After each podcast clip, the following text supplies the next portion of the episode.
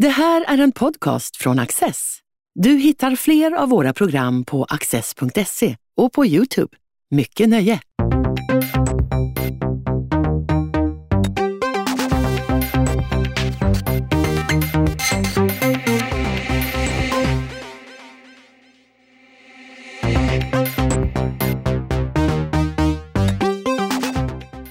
Henrik Brisman är idéhistoriker vid Lunds universitet.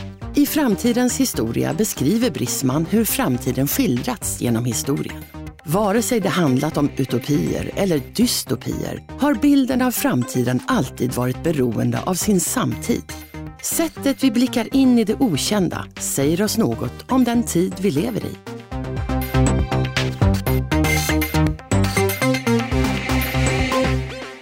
När börjar man eh, prognostisera framtiden? När ser man in i framtiden för första gången? Ja, beroende på vad man menar med att prognostisera eller försöka se in i framtiden. Men eh, redan under antiken kan man ju se exempel på eh, hur eh, människor i olika sammanhang försöker ge någon slags förutsägelse för framtiden. På den tiden ofta inom, ett, eh, inom en religiös föreställningsvärld, en gudomlig värld. Men eh, så att även om, om eh, gudavärlden, om vi talar den eh, grekiska mytologin eller religionen på den tiden så, så fanns det ändå ett visst mått av att kunna eh, prognostisera framtiden på det sättet att man ju hade eh, orakel och liknande som man vände sig till för att få svar på frågor om när var det aktuellt att föra krig mot grannstaten eller hur skulle skörden bli nästa år eller kanske rent av mer privata spörsmål. Vem ska jag gifta mig med? Och så vidare. Så att det tycks ha funnits ett, ett, eh, ett uppdämligt behov av att eh, försöka prognostisera framtiden på olika plan. Både individuellt och i, i ett större samhälleligt sammanhang så långt som vi kan skåda med, med eh, skriftliga kulturer och så vidare. Förmodligen ännu tidigare. Men många av de här eh, idéerna man har tidigt, det, det är inga, det är inga utopier eller dystopier utan, utan det är mer det är enklare saker, alltså så här, skörd och liknande och sådär. Så när, när börjar man tala om, om idealsamhällen eller liksom eh, tänka på framtiden som någon sorts eh, bredare koncept? Så här, att hur, hur ska vårt samhälle utvecklas och så? Mm. Eh, vi brukar ju tala om den utopiska genren mm. som växer fram i början på 1500-talet med Thomas Mores Utopia från 1516 som det främsta exemplet och som sätter namnet på genren som både en, både en skönlitterär och en, en eh, ja, idépolitisk genre egentligen. Men det finns ju tidigare exempel. Eh, Platons staten kan ju vara ett sådant exempel. Eh, och då rör vi oss kring 300-talet före vår tideräkning. Eh, där han så att säga eh, skriver om en filosofstat styrd av filosofer mm. som ett slags idealstat och som senare har inspirerat en utopist som Thomas More till exempel och även senare utopister. Men, men eh, om vi talar om den utopiska genren som vi känner den så är det nog i 1500-talets renässansen som vi ska börja så att säga. Och, och, vad är det som händer då som får eh, en person som Thomas More? Du kan berätta lite om honom. Vad, vad, vad handlar hans bok om och vad, vad, är det han, vad är det för utopia han föreställer sig? Ja, han, han reagerar ju mot de, den samtida utvecklingen i England på den tiden, i början på 1500-talet. Där eh, lantarbetarna blir allt fattigare och, och eh, får ägna sig åt fåravel och så vidare. Eh, och det gör att, att allt färre kan försörja sig och, och, många börjar svälta och så vidare. Han reagerar ju på den här utvecklingen och, och eh, han, har, han är ju kristen och han eh, är ju en av de här renässanshumanisterna så att säga. Så han har ju också det perspektivet. Så han eh, skissar ju på en, en, eh, en slags idealstat som han förlägger på en ö mm. som man kallar just för Utopia. Det är en skönlitterär bok alltså? Ja, det får man nog se det som. Eh, men också, eh, vilket kanske då eftervärlden har kommit att betrakta den som, eh, en slags idéhistorisk eller politisk mm. skrift egentligen. Det vill säga som en, ett, ett uttryck för en protest mm. mot, den råda, mot det rådande samhället. sen är ju den här tendensen att förlägga en utopi till en ö det är ju något som sedan har återkommit i historien. Att man tänker sig ett, ett ganska väl avgränsat landområde där man kan förlägga just mm. ett, ett idealsamhälle. Det är ganska typiskt faktiskt. För det här verkar gå igenom, om man hoppar lite fram i tiden, så du tar ju upp i den här boken eh, filosofer, aktivister som har just att de vill ha någon sorts, eh, ett ställe separat vid sidan av samhället. Att de prövar just någon sorts kollektivism eller något annat sätt att leva och så vidare. Men det här är ju ingenting som förekommer under Thomas Moores egen tid utan det kommer ju först långt senare. Ja precis. Om man då är, möjlig, möjligen skulle man kunna tänka sig eh, olika munkordrar till exempel som i någon mening isolerar sig i kloster och lever ett slags alternativt liv eller samhälle på ett vis. Eh, det, det, skulle kunna vara ett exempel på en mm. tidig kommunitet som växer fram mm. framförallt under medeltiden då. Men eh, det, det är ju som du säger, det är efter, efter 1500-talet som vi ser de här mer moderna projekten, utopierna, växa fram. Men Moores idé är ändå, i någon mening så är den ändå en, en sorts sekulär utopism. För annars har du just det här mer religiöst kopplade eh, tanken om framtiden, att vi vet vad som kommer hända på ett ungefär för det, det så att säga, finns en, en urkund som säger det. Men vad är det som gör att det faktiskt dyker upp en sån här sekulärt framtidstänkande? Ja, eh, då får man ju se det till hela renässansen då eh, som, som så att säga uppstår som en period efter, efter digerdöden i mitten på 1300-talet. Under renässansen så eh, börjar man blicka tillbaka till, till eh, antikens skrifter, de stora filosoferna Platon, Aristoteles och det latin som, som talades och skrevs under antiken. Men samtidigt så påbörjar även en, en viss eh, autonom utveckling ifrån eh, från kyrkan och, och, eh, och, och den allsmäktige guden. Inte på något sätt att man Eh, förnekar Gud eller att Gud inte skulle vara en del av, av hela skapelseprocessen. Också. Inte alls så men det lämnas ändå ett större utrymme inom den tidens renässansfilosofi att, att människan själv kan träffa sina val. Mm. Ibland är de bra, ibland är de dåliga. Och därmed ha ett visst eh, ett större mått av självständighet så att säga i sitt, i sitt skapande och i sitt agerande gentemot andra medmänniskor och så vidare. Och en sådan eh, ja, filosofisk religiös idé den inspirerar ju också till att fundera kring andra idealsamhällen. I Thomas Moores fall så finns det ju då en, en, en, en eh, faktisk utveckling att ta hänsyn till. Och ibland har det diskuterats hur, hur stor den faktorn är när han skriver den här utopin. Och utopin är också, eller utopia är ju full av eh, skämt och mm. ordlekar och så vidare. Man funderar på menade han allvar med detta eller fanns det ett visst mått av samhällskritik trots mm. allt? Eh, så det, det, diskuteras fortfarande hur, eh, hur man ska värdera Utopia men jag menar nog att, att man ska se den som en tidig samhällskritik faktiskt hos, hos Thomas More. Och det som man också skulle kunna dra en slutsats av det är ju att eh, eh, med Utopia så eh, visade det sig också att Eh, det är väldigt svårt att frigöra sig från sin egen samtid. Så i, i Utopia så finns det fortfarande slavar till exempel. Och eh, eh, dessutom så kan han inte tänka sig att eh, krigföringen skulle vara avskaffad även om utopisterna så att säga låter andra föra krig åt Utopia.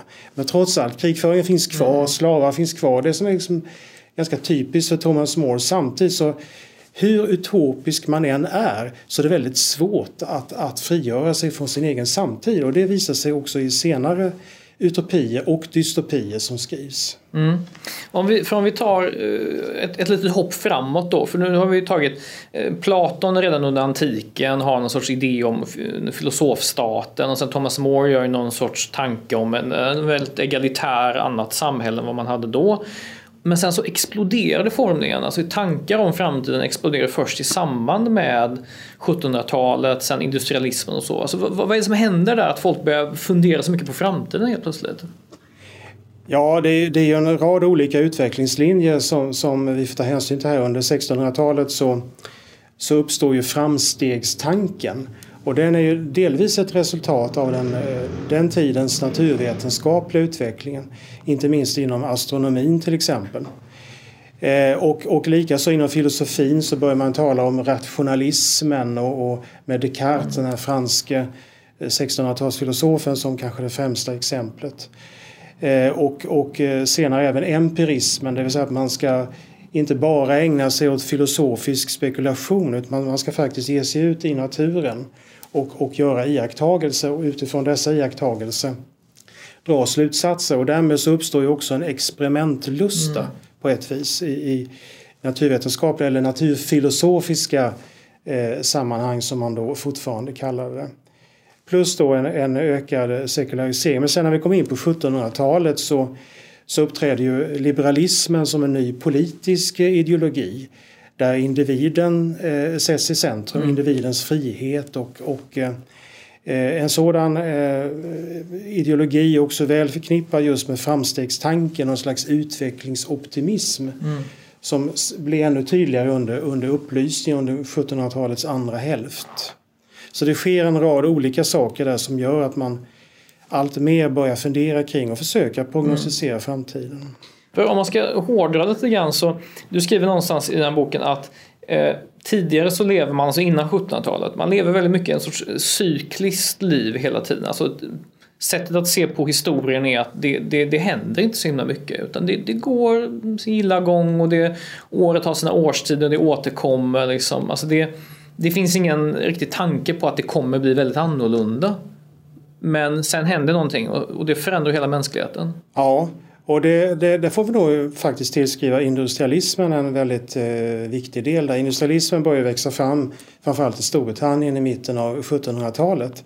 Och det här med att man går efter årstider, det här cykliska tänkandet. Det är klart att det eh, kan ju då ses som en produkt av, av eh, lantbruket jordbruket som är mycket just cykliskt. Mm. Man, man sår och skördar mm. och så samlar man i ladorna under vintern, reparerar sina redskap och så börjar man så igen till våren nästa år. Det är klart att det, det cykliska tänkandet som är så förknippat just med, med eh, jordbruket eh, som, som den främsta produktionsformen hör samman med det. Och sen då när industrialismen börjar växa fram, till exempel textilindustrin i mm. Storbritannien, mm Eh, då, då eh, börjar ju så smått det här mer cykliska tänkandet också att, att eh, försvagas till förmån för ett mer linjärt tänkande, ett mer progressivt eh, framstegstänkande. Och, och det är klart att eh, när vi går ytterligare lite längre fram in på 1800-talet och eh, industrierna, fabrikerna växer fram, då kan man ju producera, börja producera dygnet runt i stort sett oberoende av årstid och veckodagar och liknande. Eh, så det, det tror jag man eh, Just det här eh, skiftet, om man kan tala om det, mellan jordbruk och mm. industri har nog en viss betydelse faktiskt. När vi tänker oss hur vi betraktar både samtiden och framtiden. För där händer ju också något, ett ytterligare steg då. Först av de här liberala framstegsfilosoferna, det är upplysning och rationalitet och naturvetenskap och så vidare. Och sen och sen så sprids ju den här idén till, eh, liksom till arbetarklassen. Att det börjar komma teoretiker som tänker att det här är inte allt vi har. Vi kanske kan bli mycket bättre. Och då tar ju så att säga utopitänkandet en, sätter i en ny växel kan man säga. Mm. Vad är det som händer då? Ja, eh, de första försöken eh, kan vi se redan i början av 1800-talet under romantiken.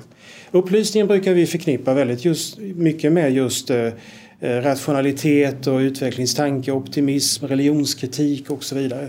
Ekonomisk frihet. Eh, romantiken blir ju lite granna eh, en liten reaktion på det.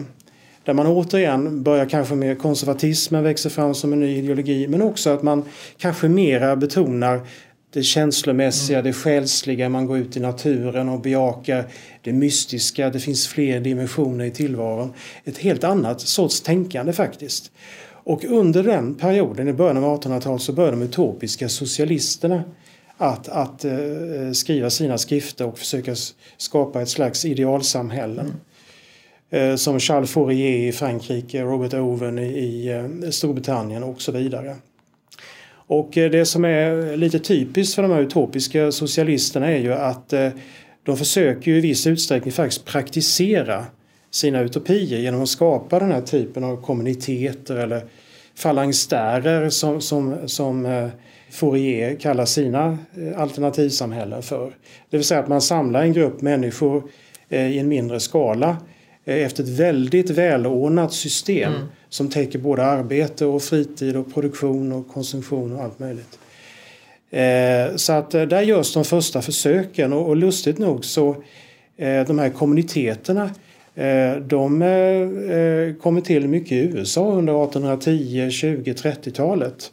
Och då, då, då kunde man förena både kristna ideal och socialistiska ideal i de här kommuniteterna. Så det fanns ingen motsatsställning mellan kristendom och socialism nödvändigtvis på den tiden. I USA, så USA blev lite av en experimentverkstad, mm. den här nya världen för den här typen av kommunitetsbyggande. Mm. För sen tar det här ytterligare ett, liksom en, en ny intensitet. Om man tänker till Sovjetunionen, eh, man släpper ju sci-fi-filmer där under liksom eh, 20-talet eh, och italienska futuristerna där liksom allt gammalt ska, ska liksom raseras och vi ska bara blicka in i framtiden. Va, va, vad är det som, varför går det ännu längre den här liksom framtidsdyrkan nästan som man ägnar sig åt?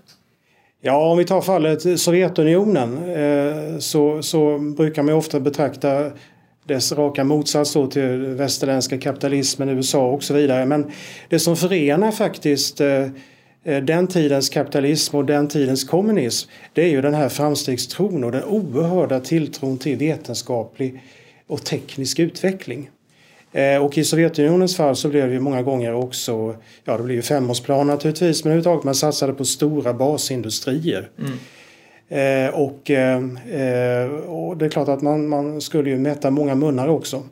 Men eh, eh, Sovjetunionen och så får man naturligtvis kanske redan under 20-talet börjar man se att Sovjetunionen börjar tävla med de ledande västeuropeiska staterna och USA i, i form av teknisk utveckling och vetenskaplig utveckling och flera intellektuella och politiskt intresserade börjar vallfärda till Sovjetunionen för att se det här nya samhällsbygget så att säga.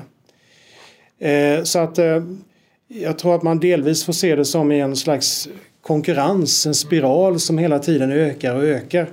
Och då, då gäller det att bräcka motparten med eh, nya tekniska innovationer, uppfinningar och, och eh, produktionsresultat och så vidare. Och det, ja, det, det utvecklas ju senare när vi kommer in i rymdkapplöpningen mm. under, eh, under kalla kriget och så.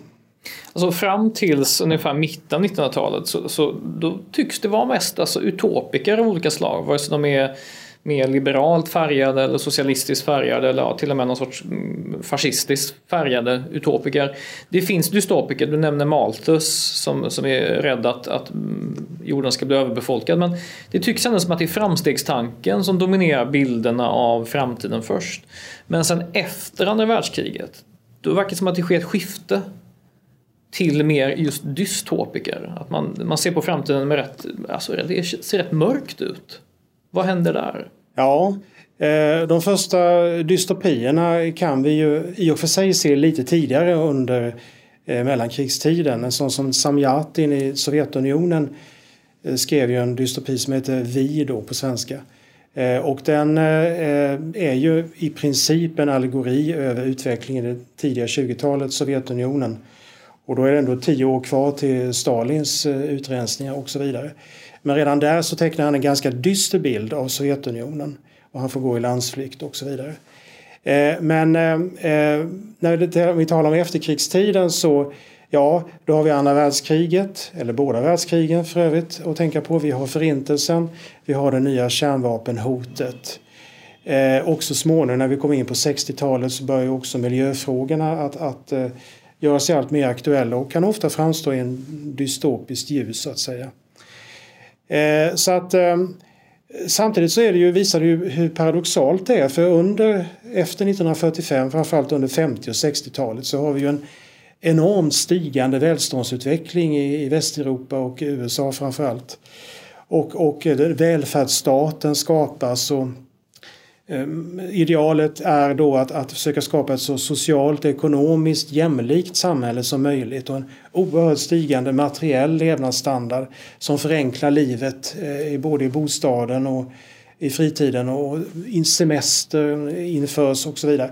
Så det är mycket positiva saker mm. som också sker samtidigt som vi har de här dystopiska hoten och det gör det här som en väldigt spännande tid. Mm. Eh, och, och eh, det ser vi exempel på att vi har ju liksom paradoxala strömningar som löper mot varandra under samma period. Som både pekar åt det positiva och det negativa.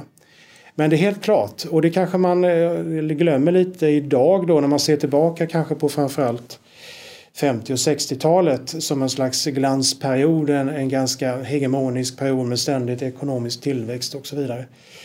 Eh, så glöm, kanske man glömmer bort att många människor faktiskt eh, eh, var alldeles livrädda för att det skulle utbryta ett kärnvapenkrig. Eh, och, och man, man tänkte sig, man kunde aldrig tänka sig att förintelsen kunde äga rum och att, att, att mänskligheten så att säga kunde vara så ond. Och det hade man fortfarande färskt i minne under de första efterkrigsåren och sen sker ju kalla kriget och den här nya fredliga världen den kom inte riktigt till ändå. Så det fanns ju, det fanns ju verkligen skäl att också eh, se sin egen samtid i ganska dystopiska ja, termer faktiskt. Och sen så kommer det efter den här perioden, alltså när eh, kärnvapenkriget känns avvärjt under 90-talet och Francis Fukuyama skriver sin bok om historiens slut där han i någon mening säger att konflikterna, de stora konflikterna är nog över. Eh, men sen så kommer ju miljövågen i någon sorts liksom andra andning med hela klimatfrågan och nu lever vi i en tid där ja, tankar om framtiden figurerar i vår offentlighet hela tiden, kanske mer än någonsin. Och då mm. är det rätt i mörka termer. Det vill säga att man i politiken diskuterar vad ska vi göra åt det här och vissa menar att det inte händer och så vidare.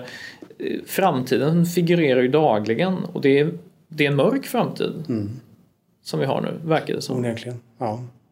Vad, vad, om du skulle titta tillbaka till den, har vi någon motsvarighet till den liksom, undergångsstämning som vi har nu?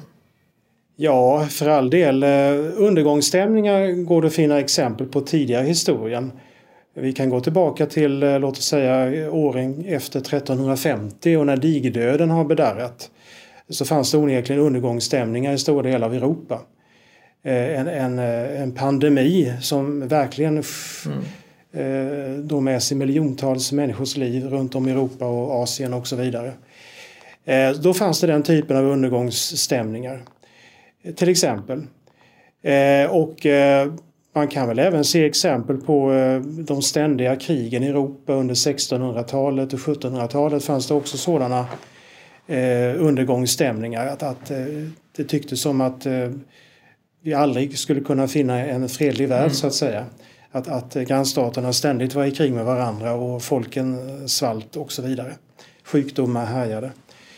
Eh, så att det finns ju exempel på tidigare undergångsstämningar och eh, går man lite längre eh, fram i tiden, eller ja, nästan fram till vår egen tid så då har vi efterkrigstiden igen där med kärnvapenproblematiken och, och jag minns ju min egen ungdom på 1980-talet när kärnvapenfrågan eh, USA och Sovjetunionen som det sista decenniet av kalla kriget att, att eh, det ju faktiskt fanns eh, reella skräckstämningar över att någon skulle trycka på den där knappen.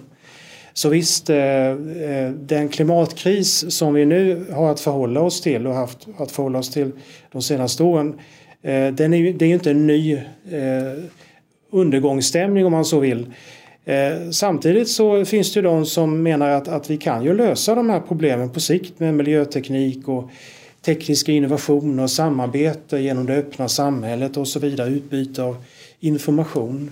Eh, medan andra tänker sig att det måste till en radikal omställning av hela samhället, av ekonomin och eh, kommunikationer och liknande. Så att, eh, men samtidigt så eh, när Greta Thunberg säger lyssna på forskarna eller forskningen då är det ju ett exempel på att, att den här dystopin den, den kan luta sig på den naturvetenskapliga mm. forskningen av idag. Eh, och det gör ju kanske att den eh, dystopin blir extra stark faktiskt. Mm. Men, men om man tittar tillbaka till modernitetens andra, både utopi och dystopi, de har ju ofta varit så att säga hävdat vetenskapen i ryggen. Alltså den, eh, man tänker planeringsivern i svenskt 60-tal. Liksom köken ska utformas perfekt, stadsdelarna ska vara perfekta. Eller mm. För all del även liksom liberala upplysningspersoner på 1800-talet hade ju en tanke om att vi kan skapa ett genomrationellt samhälle. Att vara emot det här är att vara så att säga dum egentligen. Eller gå emot vetenskapen. Finns det en, ibland en en, en sorts modernitetens övertro på att man, man vet att det ska bli på det här sättet? Ja, eh, det har nog alltid funnits en viss övertro på vad eh, framförallt naturvetenskapen eh, kan leda fram till och vilka fantastiska innovationer som, som kan komma utifrån naturvetenskaperna och vad naturvetenskaperna kan förutsäga. Eh, men också om vi tar till exempel samhällsvetenskaperna växte ju fram som en ny typ av vetenskap redan under mellankrigstiden men framförallt under efterkrigstiden. Sociologer, statsvetare, nationalekonomer, statistiker hade alla en ambition att kunna försöka förutsäga framtiden och de hade ofta politikernas öron. Mm. Det tillsattes offentliga utredningar oftast bestående av samhällsvetare. Om man skulle planera, vi nämnde städerna här tidigare, bostäder, skola, sjukvård, hur skulle befolkningsutvecklingen se ut och så vidare. Så att eh, även samhällsvetarna har ju haft en, en rätt viktig del i den här moderna eh, vetenskapliga prognostiseringen måste man ju säga. Och under 50 60-70-talet så växte det fram den här typen av framtidsstudier också olika institut. Så det har nog alltid funnits en viss övertro får man väl mm. säga på, på vad vetenskapen och även tekniska innovationer kan leda till. Men blir vi bättre på att förutse framtiden? Alltså om vi tar jämför oss med, med Platon och Moore. Vi, har vi, har vi liksom kalibrerat våra redskap för att förstå framtiden bättre idag tycker du? Jag tror nog att vi har faktiskt fler redskap idag. Vi har också en mer specialiserad vetenskap. Så det är inte bara eh, naturvetare och klimatforskare som uttalar sig om klimatfrågan till exempel och, och vart den utvecklingen skenar iväg utan även humanister till exempel intresserar sig för de här frågorna och, och frågar sig hur människor reagerar och tänker kring klimatfrågan och framtiden. Så att jag tror nog ändå att det finns en bättre beredskap idag men samtidigt så ska ju då forskarsamhället eh, eh, försöka få ihop det tillsammans med politiker och näringsliv och andra intressenter så det är ett ganska eh, komplicerat system trots allt. Men jag tror nog att vi, förutsättningarna för att kunna prognostisera framtiden är trots allt bättre idag än vad det var på till exempel Platons tid. Även om vi inte ska underskatta honom. Henrik Brisman, tack så mycket. Tack så mycket.